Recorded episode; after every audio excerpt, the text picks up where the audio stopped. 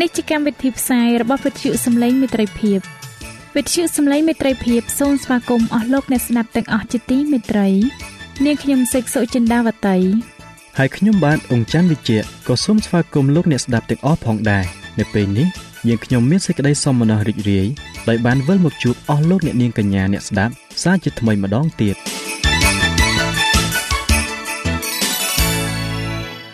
នាងខ្ញុំសេកសុចិន្តាវតី សូមជម្រាបជូនកម្មវិធីផ្សាយដែលមានជាបន្តបន្ទាប់ដូចតទៅនេតិជួបជាមួយព្រះបន្ទូលនេតិបទទំនាយនិងប្រវត្តិសាស្ត្រចា៎លោកអ្នកស្ដាប់ជាទីមេត្រី នាងខ្ញុំសូមគោរពអញ្ជើញអស់លោកលោកស្រី អ្នកនាងកញ្ញាតាមដានស្ដាប់កម្មវិធីផ្សាយរបស់វិទ្យុយើងខ្ញុំដូចតទៅ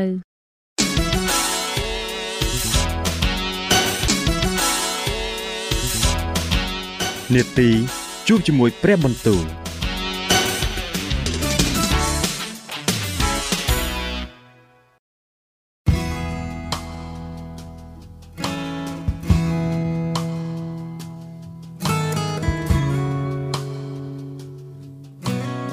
ចាអស់លោកអ្នកស្ដាប់ជាទីមេត្រី ជាដំបូងនាងខ្ញុំសូមអញ្ជើញលោកអ្នកនាងស្ដាប់នេតិជួបជាមួយព្រះបន្ទូលនេតិនេះនឹងលើកយកព្រះបន្ទូល ពីព្រះគម្ពីរនេហេមៀដែលនឹងជម្រាបជូនដល់លោកអង្ចាន់វិជ្ជៈដូចតទៅ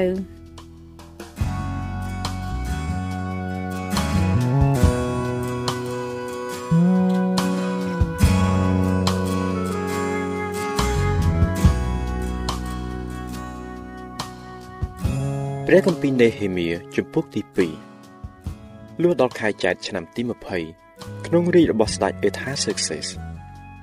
ក្នុងពេលដែលមានស្រាទំពាំងបាយជូរដាក់នៅចំពោះស្ដេចនោះខ្ញុំ បានលើកថ្វាយដល់ទ្រង់ឯពីមុនខ្ញុំមិនដែលមានសេចក្តីព្រួយនៅចំពោះទ្រង់ឡើយដូច្នេះស្ដេចទ្រង់មានបន្ទូលសួរខ្ញុំថាអ្នកឥតមានជឿសោះហេតុអ្វីបានជាមានទឹកមុខព្រួយដូច្នេះនេះកើតពីសេចក្តីទុក្ខក្នុងចិត្តទេនោះខ្ញុំក៏ភ័យខ្លាចណាស់តែខ្ញុំទូលដល់ស្ដេចថាសូមឲ្យព្រះករុណាប្រកបដោយសេចក្តីចម្រើនចុះ ធ្វើដូចម្ដេចមិនឲ្យទូបង្គំមានទឹកមុខព្រួយបានបើទីក្រុង ជាទីមានភ្នូខ្មោចរបស់ពួកអាយកោរបស់ទូបង្គំ នៅតែក្រំគ្រាហើយទ្វារក៏ឆេះអស់ហើយដូច្នេះស្ដេចទ្រង់មានបន្ទូលសួរខ្ញុំថាដូច្នេះតើអ្នកចង់បានអ្វីខ្ញុំក៏អធិស្ឋានដល់ព្រះនៃស្ថានសួគ៌រួចខ្ញុំទូលដល់ស្ដេចថាបើព្រះករណាសពព្រះតីយ៉ាងនេះហើយបើទ្រង់អាណិតមេត្តាដល់ទូបង្គំ នោះសូមទ្រង់ចាត់ទូបង្គំឲ្យទៅឯស្រុកយូដាដល់ទីក្រុងយេទីមានភ្នូខ្មោចរបស់ពួកអាយកោទូបង្គំឲ្យបានសង់ទីក្រុងនោះឡើងវិញចុះឯស្ដេចទ្រង់មានបន្ទូលមកខ្ញុំកំពុងតែអគ្គមហាសីគង់នៅក្បែរទ្រង់ថាតើអ្នកចង់ទៅជាយូរប៉ុណ្ណាកាលណានឹងត្រឡប់មកវិញដូច្នេះស្ដេចទ្រង់សពព្រះតីនឹងចាត់ឲ្យខ្ញុំទៅ ហើយខ្ញុំក៏កំណត់ពេលថ្វាយទ្រង់ជ្រាប មួយទៀតខ្ញុំបានទូលដល់ស្ដេចថាបើព្រះករណាសពព្រះតីនោះសូមឲ្យទូលបង្គំបានព្រះរាជសាសកាន់យកទៅជូនពួកចាវាយខេតនៅខាងនេះទន្លេឲ្យលោកបានបើកឲ្យទូលបង្គំឆ្លងទៅរហូតដល់ស្រុកយូដានិងព្រះរាជសាសមួយច្បាប់ដល់អេសាបជាមេព្រៃលួងឲ្យលោកបានបើកឈើដល់ទូបង្គំសម្រាប់ធ្វើធ្នឹមទ្វារបន្ទាយដែលនៅក្បែរព្រះវិហារនិងទ្វារកំផែងនៃទីក្រុងហើយសម្រាប់ផ្ទះ ដែលទូបង្គំត្រូវអាស្រ័យនៅផង ស្ដេចក៏អនុញ្ញាតឲ្យតាមដែលព្រះហស្ថល្អរបស់ព្រះនៃខ្ញុំបានសន្ធិដ្ឋលើខ្ញុំរួចមកខ្ញុំបានទៅដល់ពួកចាវាយនៅខាងនេះទន្លេជូនព្រះរាជសាសនោះដល់គេឯស្ដេចទ្រង់បានចាត់មេតបនិងតបសេះឲ្យទៅជាមួយនឹងខ្ញុំដែរដូច្នេះកាលសានបាឡាត ជាអ្នកស្រុកហូរូណៃមនិងថូប៊ីយ៉ាសាសអាម៉ូនជាអ្នកចំណិតលោកបានលើហើយ សេចក្តីនោះក៏នាំឲ្យទំនាស់ចិត្តគេជាខ្លាំង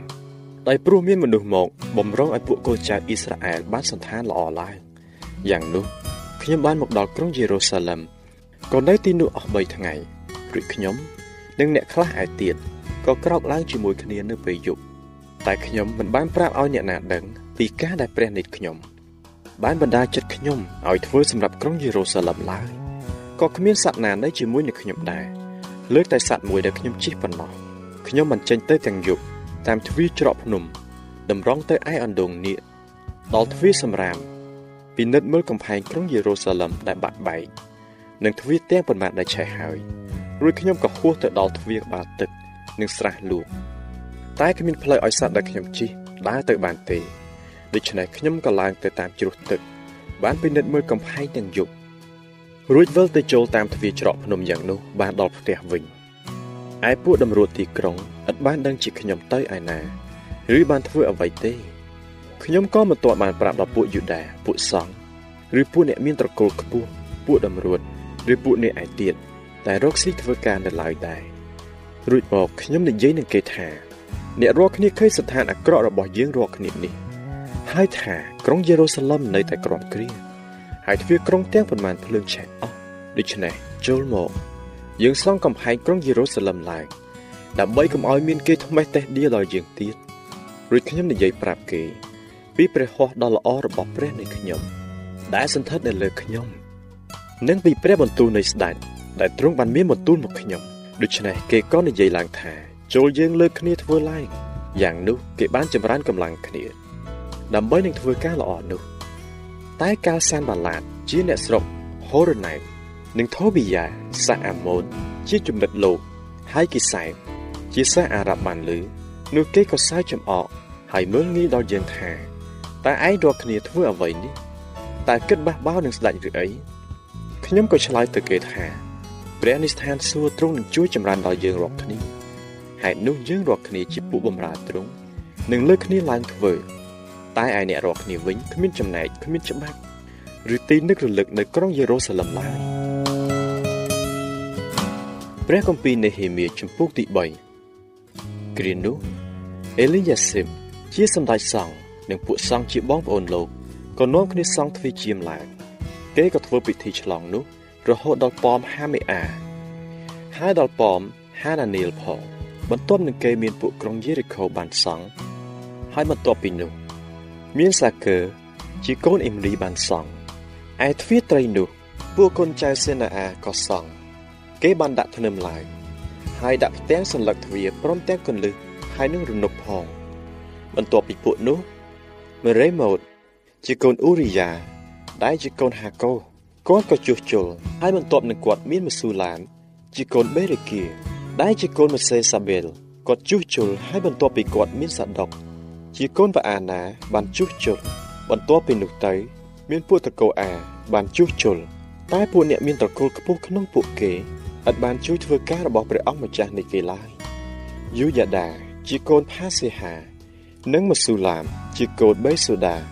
បានជួសជុលទ្វារចាស់គេដាក់ធ្នឹមនឹងផ្ទាំងសន្លឹកទ្វារទាំងគន្លឹះ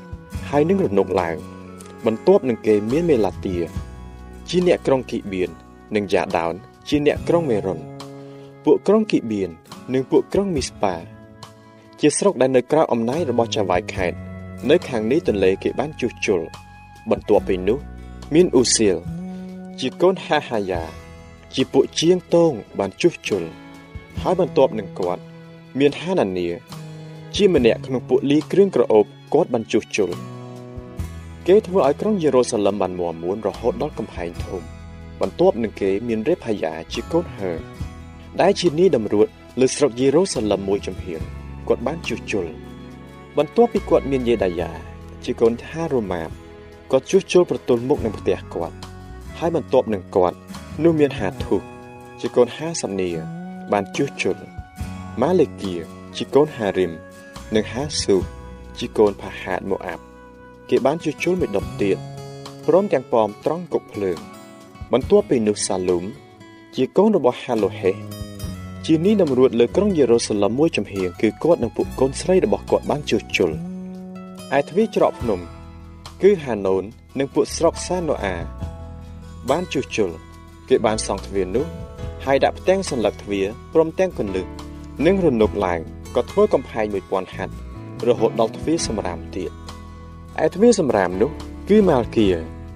កូនរេកាប ជានាយតម្រួតខុំបេតហាការ៉េមបានជួសជុលគាត់បានសង់ទ្វារនោះហើយដាក់ផ្ទាំងសន្លឹកទ្វារព្រមទាំងកន្លឹះនិងរនុកឡើងឯទ្វារក្បាលទឹកគឺសាឡូនកូនកុលហូសេជានាយតម្រួតខុំមីស្ប៉ាបានជួសជុលគាត់បានសង់ហើយប្រក់ដំបូលទ្វារនោះក៏ដាក់ផ្ទាំងសន្លឹកទ្វារព្រមទាំងកន្លឹះនិងរនុកឡើងរួចគាត់ធ្វើកំហែងត្រង់ស្រះស៊ីឡោមដែលនៅក្បែរសួនច្បារស្ដេចរហូតដល់ចន្ទាដែលចុះពីទីក្រុងដាវីត បន្ទាប់នឹងគាត់មាននេហេមៀកូនអាស្បូបជីនីតម្រួតខុំបេតសឺ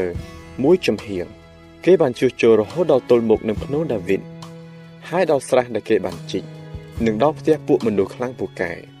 បន្ទាប់នឹងគាត់មានពួកលេវី គឺរេហូមជាកូនរបស់បានីបានជួសជុលហើយបន្ទាប់មកទៀតមានហាសាប់យ៉ាជានីតម្រួត លើឃុំកៃឡាមួយចំហៀងបានជួសជុលជំនួសពួកអ្នកស្រុកគាត់ បន្ទាប់នឹងគាត់មានពួកបងប្អូនរបស់គេបានជួសជុលគឺបាវាយកូនហេណាដាតជានីតម្រួតឃុំកៃឡាមួយចំហៀងបន្ទាប់នឹងគាត់មានអេសឺកូនយេស៊ូជានីតម្រួតលើក្រុងមីស្ប៉ាគេបានជួសជុលមួយដុំទៀតទល់មុខនឹងផ្លូវឡើងទៅឯឃ្លាំងគ្រឿងសាស្ត្រាវុធត្រង់រំពុតកំផែងបន្ទាប់នឹងគាត់មានបារូបជាកូនសបាយបានខ្លះខ្លាយធ្វើមួយដុំទៀតចាប់តាំងពីរំពុតកំផែង រហូតដល់ទ្វារផ្ទះអេលីយ៉ាស៊ីបជាសម្ដេចសង្ឃបន្ទាប់ពីគាត់មានមេរេម៉ូតកូនអ៊ូរីយ៉ាដែលជាកូនហាកូគាត់បានជួសជុលមួយដុំទៀតគឺចាប់តាំងពីទ្វារផ្ទះអេលីយ៉ាស៊ីបរហូតដល់ចុងផ្ទះលោក បន្ទាប់នឹងគាត់មានពួកសង្ឃបានជួសជុលជាពួកសង្ឃដែលនៅស្រុកជុំវិញ បន្ទាប់នឹងគេមានបេនយ៉ាមីននិងហាស៊ូបបានជួសជុលទល់មុខនឹងផ្ទះខ្លួន ហើយបន្ទាប់នឹងគេមានអាសារៀ កូនម៉ាអាសេយ៉ាដែលជាកូនអាណានីបានជួសជុលក្បែរផ្ទះខ្លួន បន្ទាប់នឹងគាត់មានមីនុយជាកូនហេណាដាបានជួសជុលមួយដុំទៀតគឺចាប់តាំងពីផ្ទះអាសារៀរហូតដល់រំពុតកំផែងហើយទៅដល់ទីក្រុងផង បាឡាលជាកូនអ៊ូសាយបានធ្វើនៅមុខរំពុតកំផែងនិងប៉មដែលលយចេញពីដំណាក់ស្ដេចខាងលើ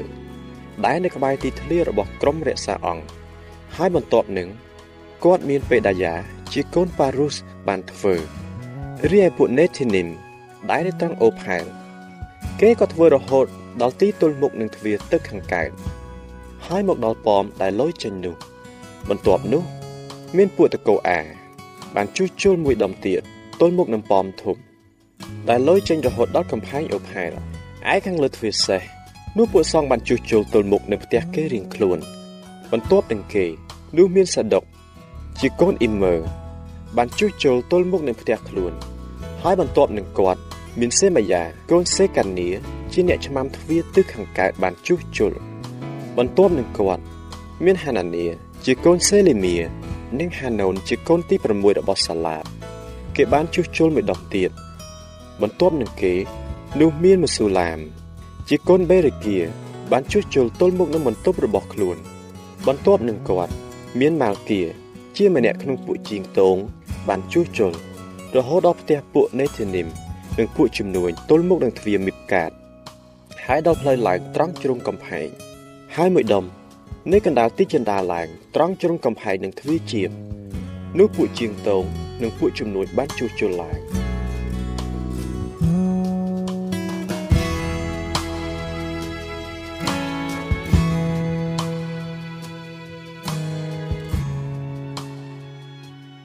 ចា៎ប្រិយមិត្តអ្នកស្ដាប់ជាទីមេត្រី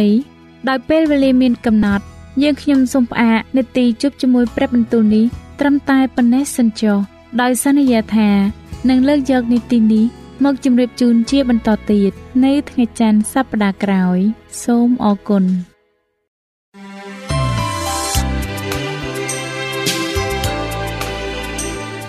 វិទ្យុសំឡេងមេត្រីភាព AWR នាំមកជូនលោកអ្នក នៅសារនៃសេចក្តីសង្ឃឹមសម្រាប់ជីវិត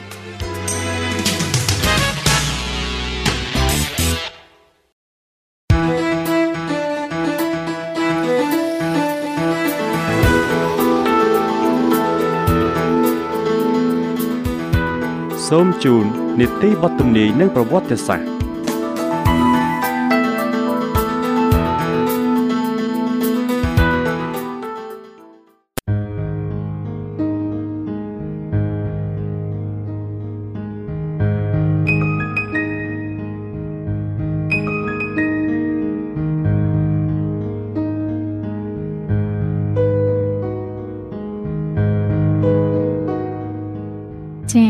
ខ្ញុំសូមជម្រាបសួរអស់លោកលោកស្រីនិងប្រិយមិត្តអ្នកស្ដាប់វិទ្យុសំឡេងមេត្រីភាពជាទីមេត្រី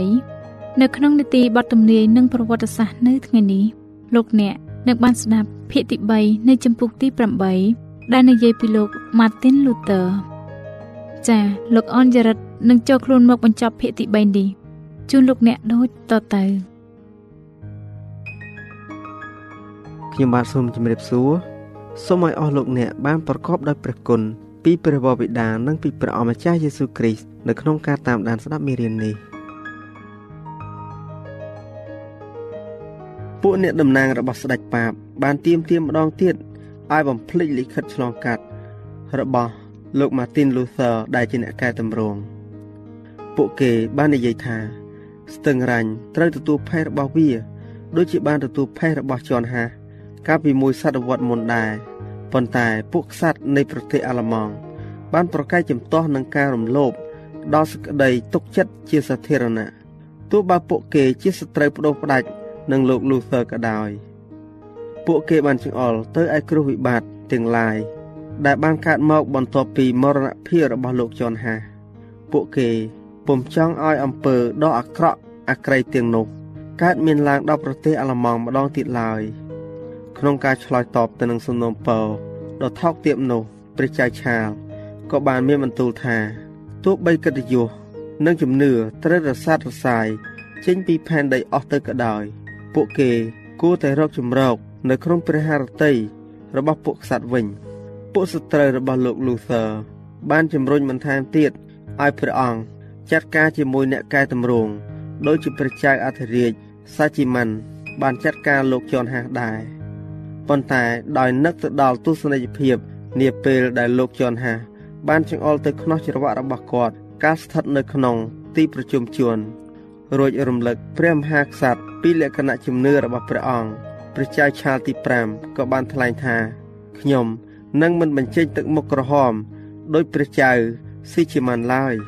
តែព្រះចៅឆាលបានបដិសេធដោយចេតនានៅសេចក្តីពិតដែលលោក Luther បានរាយរាប់ប្រាប់ ព្រះអង្គមិនព្រមបោះជំហានចេញពីផ្លូវនៃទំនៀមទម្លាប់រួចដើរលើផ្លូវនៃសេចក្តីពិត និងសេចក្តីសុចរិតឡើយ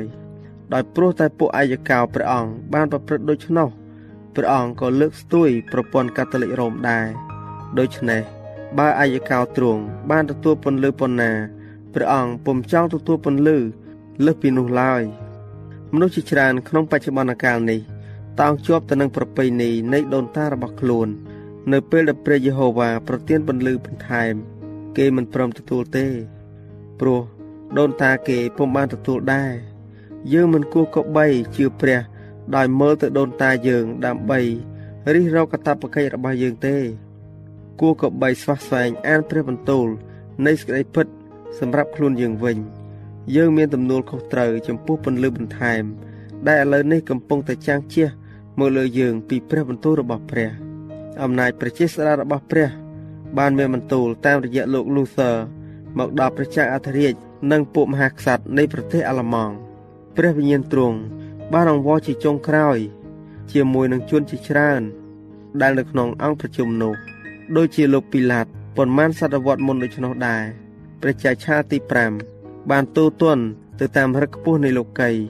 ក៏បានសម្រេចចិត្តបដិសេធរស្មីនៃសេចក្តីពិត គម្រោងអាក្រក់ប្រឆាំងនឹងលោក Luther ត្រូវបានផ្សព្វផ្សាយគ្រប់ទីកន្លែងបណ្ដាលឲ្យមានការរំជើបរំជួលពាសពេញទីក្រុង មិត្តភ័ក្តិជាច្រើន ដោយបានដឹងអំពីអំពើខុសខើដ៏មិនគួរឲ្យទុកចិត្តរបស់រ៉ូមបានសម្រេចចិត្តថាគេមិនគួរបូជា អ្នកកែតម្រង់ឡើយពួកអភិជនរាប់រយនាក់បានសន្យាជាអឡារឹកថានឹងការពារគាត់ នៅតាមរបងផ្ទះហើយនឹងទីសាធារណៈ មានការបិទផ្លាកប្រកាសជាច្រើនខ្លះថ្កោលទោសខ្លះទៀតជួយគ្រប់គ្រងលោក Luther ផ្លាកមួយនោះបានសរសេរពាក្យចំចំដូចនេះថាអោស្រុកអើយវល់ហើយ កាលណាស្ដេចរបស់ឯងជាកូនក្មេងព្រះគម្ពីរសាស្តាចំពុកទី10ខ16ទឹកចិត្តខំប្រឹងប្រែងដ៏ប្រជាប្រិយនៅក្នុងទង្វើសម្រាប់លោក Luther បានបញ្ជាក់យ៉ាងច្បាស់ដល់ព្រះចៅអធិរាជនិងអង្គប្រជុំនីតិបញ្ញត្តិថា ការប្រព្រឹត្តអំពើអយុត្តិធម៌ណាមួយចំពោះគាត់នឹងបណ្ដាលឲ្យមានគ្រោះថ្នាក់ដល់សន្តិសុខនៃចក្រភព និងស្ថិរភាពនៃរាជបល្ល័ង្កជាមិនខាន ស្ដេច Frederick នៃសាក់សូនី បានលាក់បាំងអារម្មណ៍ពិតប្រាកដរបស់ព្រះអង្គចំពោះអ្នកកែតម្រង់ក្នុងពេលជាមួយគ្នាទ្រង់បានការពារគាត់ដោយខ្លំមើលដ៏មិនចេះនឿយហត់ដោយចាំមើលចលនារបស់គាត់ និងចលនារបស់ស្ត្រីរបស់គាត់ ប៉ុន្តែមានមនុស្សជាច្រើន ដែលមិនខ្លាចនឹងបញ្ចេញសេចក្តីអាណិតមេត្តា ដល់លោក Luther ឡើយលោកស្បាឡាថិនបានសរសេរថា នៅក្នុងបន្ទប់បន្ថយរបស់លោកបណ្ឌិតមិនអាចផ្ទុកអ្នកមកលេងទាំងអស់បានទេសូម្បីតែអ្នកដែលគ្មានជំនឿដល់លទ្ធិរបស់គាត់សោះក៏ទប់ការកោតសរសើរមិនបានដែរចំពោះសេចក្តីសុចរិតដែលនាំគាត់ទៅកាន់មរណភាពដ៏ក្លាហាន ជាជាងបំពេញសតិសម្បញ្ញៈរបស់ខ្លួន គេបានខិតខំយ៉ាងខ្លាំងដើម្បីទទួលការអនុញ្ញាត ពីលោក Luther ឲ្យសម្រុះសម្រួលជាមួយរ៉ូមពួកអភិជននិងពួកក្សត្របានមានបន្ទូលដល់គាត់ថាបើគាត់នៅតែថ្កោលទោសវិហារហើយនឹងក្រុមប្រឹក្សាទៀតនោះគេនឹងបំបបបងគាត់ចេញពីចក្រភព ហើយនឹងគ្មានអ្វីការពារខ្លួនឡើយគេបានជំរុញគាត់ម្ដងទៀតឲ្យចុះចូល ទៅនឹងការជំនុំជម្រះរបស់ប្រជាអធិរាជនោះទៅនឹងគ្មានអ្វីគួរឲ្យភ័យខ្លាចឡើយគាត់បានតបវិញថាទូលបង្គំអនុញ្ញាតដោយអស់អំពីចិត្តទូលបង្គំថាព្រះចៅអធិរាជពួកក្សត្រហើយសំបីតែពួកអ្នកគ្រីស្ទៀនដ៏មានចិត្តអាក្រក់ជាងគេក៏ដោយគួរត្រួតពិនិត្យហើយវិនិច្ឆ័យកិច្ចការរបស់ទូលបង្គំចុះប៉ុន្តែនៅក្នុងលក្ខខណ្ឌមួយគឺថា គេត្រូវយកព្រះបន្ទូលរបស់ព្រះជាខ្នាតរបស់គេ មនុស្សលោកគ្មានអ្វីនឹងធ្វើទេ មានតែស្ដាប់បង្គាប់តាមប៉ុណ្ណោះចំពោះការពៀវនាមមួយទៀតគាត់បានមានប្រសាសន៍ថាទូលបង្គំព្រមលះបង់លិខិតឆ្លងកាត់របស់ទូលបង្គំទូលបង្គំដាក់ខ្លួនប្រាណទូលបង្គំនិងជីវិតទូលបង្គំក្នុងព្រះហស្ថរបស់ព្រះចៅអធិរាជប៉ុន្តែចំពោះព្រះបន្ទូលរបស់ព្រះវិញមិនអាចធ្វើទៅបានឡើយគាត់បានថ្លែងប្រាប់ការស្ម័គ្រចិត្ត ចុះចូលនឹងក្រុមប្រឹក្សាទូទៅប៉ុន្តែក្នុងលក្ខខណ្ឌថាក្រុមប្រឹក្សាត្រូវសម្រេចសេចក្តីទៅតាមបទគម្ពីរវិញ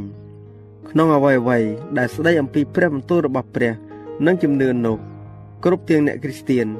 គឺជាចៅក្រមកាត់ក្តីដ៏ត្រឹមត្រូវដូចជាសម្ដេចប៉ាបដែរទោះបីជាមានក្រុមប្រឹក្សារាប់លានគមត្រូវក៏ដោយ ទីបំផុតទាំងមិត្តភ័ក្តិនិងប្រជាមិត្តបានយល់ជាច្បាស់ ថាការខិតខំបន្ថែមទៀត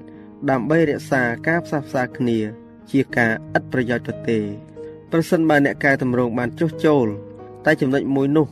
សាតាំងនិងពួកបរិវាររបស់វានឹងទទួលជ័យជំនះទៅហើយ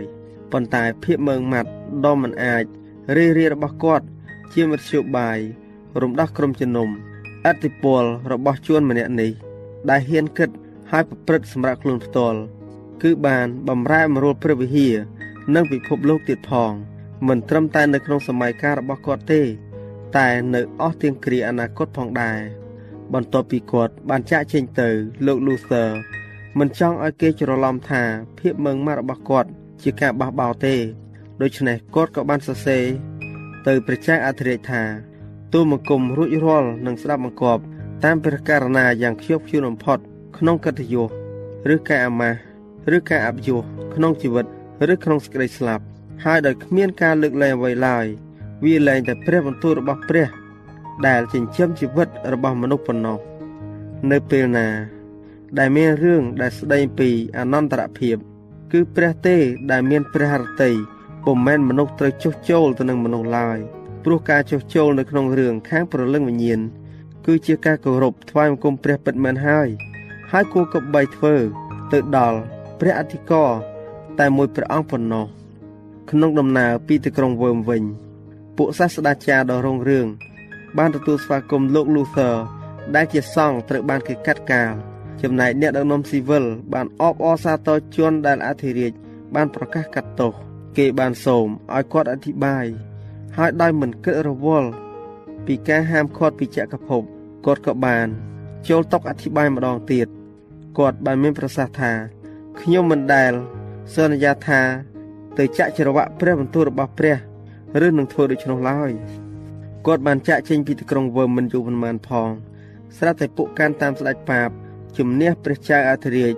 ឲ្យចេញបញ្ញត្តិទាស់នឹងគាត់គេបានប្រកាសថា លោក Luther ជាអរិយសាតាំងផ្ទាល់តែម្ដង ដែលមានរូបភាពជាមនុស្សម្នាក់ហើយស្លៀកពាក់ស្បង់របស់សង្ឃនៅពេលដែលលិខិតឆ្លងកាត់របស់គាត់ផុតកំណត់កាលណា មនុស្សទាំងអស់ត្រូវបានហាមឃាត់មិនឲ្យផ្ដាល់ទីច្រកកោនមិនឲ្យទឹកឬម្ហូបឬដោយពាក្យឬការប្រព្រឹត្តជំនួយឬការជ្រុំជ្រែងដល់គាត់ឡើយគេត្រូវចាប់គាត់មកឲ្យអាជ្ញាធរហើយអ្នកដើរតាមគាត់ក៏នឹងត្រូវចាប់ដាក់គុកព្រមទាំងរឹបអូសយកទ្រព្យសម្បត្តិទៀតផងសំណេរទាំងប៉ុន្មានរបស់គាត់នឹងត្រូវបានបំផ្លាញចោលហើយទីបំផុតអស់អ្នកណាដែលហ៊ានប្រព្រឹត្តទាស់នឹងក្រឹតបញ្ញត្តិនេះនឹងត្រូវរាប់បញ្ចូលនៅក្នុងការផ្ដន់ទាទោសដែរ ស្ដេច Frederick នៃប្រទេសសាក់សូនី និងពួកក្សត្រដែលមានការជិតស្និទ្ធនឹង Luther ជាងគេនោះបានចាក់ចេញពីទីក្រុងវើមបន្ទាប់ពីគាត់បានចេញទៅ ហើយក្រឹតបញ្ញត្តិរបស់ព្រះចៅអធិរាជក៏បានទទួលការអនុម័តរបស់អង្គប្រជុំនីតិបញ្ញត្តិពួកកាន់សាសនារ៉ូមបានត្រេកអរជាខ្លាំងពួកគេបានចាត់ទុកថា វាសនានៃកំណែតម្រង់គឺត្រូវបានបិទជាស្ថាពរហើយព្រះនេតខ្លំមើលមួយ បានតាមមើលចលនារបស់លោក Luther ហើយអ្នកប្រកបដោយព្រះហត្ថីស្មោះសរនិងថ្លៃថ្នូរក៏បានសម្រេចចិត្តថានឹងជួយសង្គ្រោះគាត់ព្រះបានប្រទាន ស្ដេច Frederick នៃសាក់សូនី នៅគម្រោងការមួយដើម្បីរក្សាអ្នកកែតម្រង់នៅតាមផ្លូវមកផ្ទះវិញ គេបានបំបែក Luther ពីអ្នកមកជាមួយគាត់ ហើយត្រូវគេបង្វែរជាប្រញាប់កាត់ព្រៃឆ្ពោះទៅកាន់ប្រាសាទវត្តបឺកដែលជាបន្ទាយភ្នំដាច់ស្រយាល ការលាក់កំបាំងគាត់គឺជាការអាត់កំបាំងដ៏ស្មុគស្មាញមួយ ដែលសំបីតែស្ដេច Frederick ផ្ទាល់ក៏ពុំបានដឹងថា គេបានលាក់គាត់នៅទីនោះដែរការមិនដឹងនេះគឺជាគម្រោងការរបស់ព្រះអង្គឲ្យតែព្រះអង្គសម្រេចព្រះハរតីថាមិនដឹងចុះទ្រង់ពុំអាចបើកសម្ដែងអ្វីឡើយទ្រង់បានស្កប់ハរតីដោយបានជ្រាបថា អ្នកកែតម្រង់បានសុខសាន្តហើយរដូវផ្ការីករដូវក្តៅនិងរដូវស្លឹកឈើជ្រុះ បានកន្លងផុតទៅហើយរដូវរងាក៏បានមកដល់រីឯលោក Luther នៅតែជាអ្នកគុកដដែល Allender និងបពុះរបស់គាត់បានសប្បាយរីករាយឥតឧបមាពន្លឺនៃដំណឹងល្អមើលទៅហាក់បីដូចជារលត់ទៅហើយប៉ុន្តែពន្លឺរបស់អ្នកកែតម្រង់នឹងត្រូវចាំងជះដោយរស្មីដ៏ចិញ្ចែងចិញ្ចាចជាងមុនទៅទៀតក្នុងការឃុំឃាំងដ៏ស្ងប់ស្ងាត់នៅឯប្រាសាទ Wartburg លោក Luther បានអរសប្បាយ ព្រោះខ្លួនបានរួចពីកំសួល និងចលនានៃការប្រយុទ្ធប៉ុន្តែដោយខ្លួនធ្លាប់រស់នៅ ជាជីវិត មានសកម្មភាពនិងការប៉ះទង្គិចយ៉ាងខ្លាំងនោះគាត់មានការធុញទ្រាន់ចំពោះការមិនធ្វើអ្វីសោះនៅចំនួនឯកោនោះលក្ខណៈនៃក្រុមជំនុំបានលេចឡើង នៅចំពោះគាត់គាត់ខ្លាចគេចោទថាជាមនុស្សកំសាកកាលបាដកខ្លួនពីការប្រកួតរួចក៏បន្ទោសខ្លួន ចំពោះការប្រងើយកន្តើយ និងការបណ្ដោយតាមតម្រេកប៉ុន្តែក្នុងពេលជាមួយគ្នាគាត់បានសម្រេចលទ្ធផលហួសពីសមត្ថភាពមនុស្សម្នាក់ទៅទៀតស្លាបការរបស់គាត់ពុំដែលនៅស្ងៀមឡើយពួកខ្មាំងសត្រូវរបស់គាត់បានអស់ใจជាខ្លាំងហើយក៏ភ័ន្តភៀងដោយឃើញផោះតាង នៅនឹងភ្នែកថាគាត់នៅតែសកម្មដដែលខិតទៅបានជាច្រើន ដែលបានសរសេរពីស្លាបការរបស់គាត់ត្រូវបានចែកចាយពាសពេញអាឡម៉ង់ គាត់ក៏បានបកប្រែគម្ពីរសញ្ញាថ្មីទៅជាភាសាអាឡម៉ង់ផងដែរ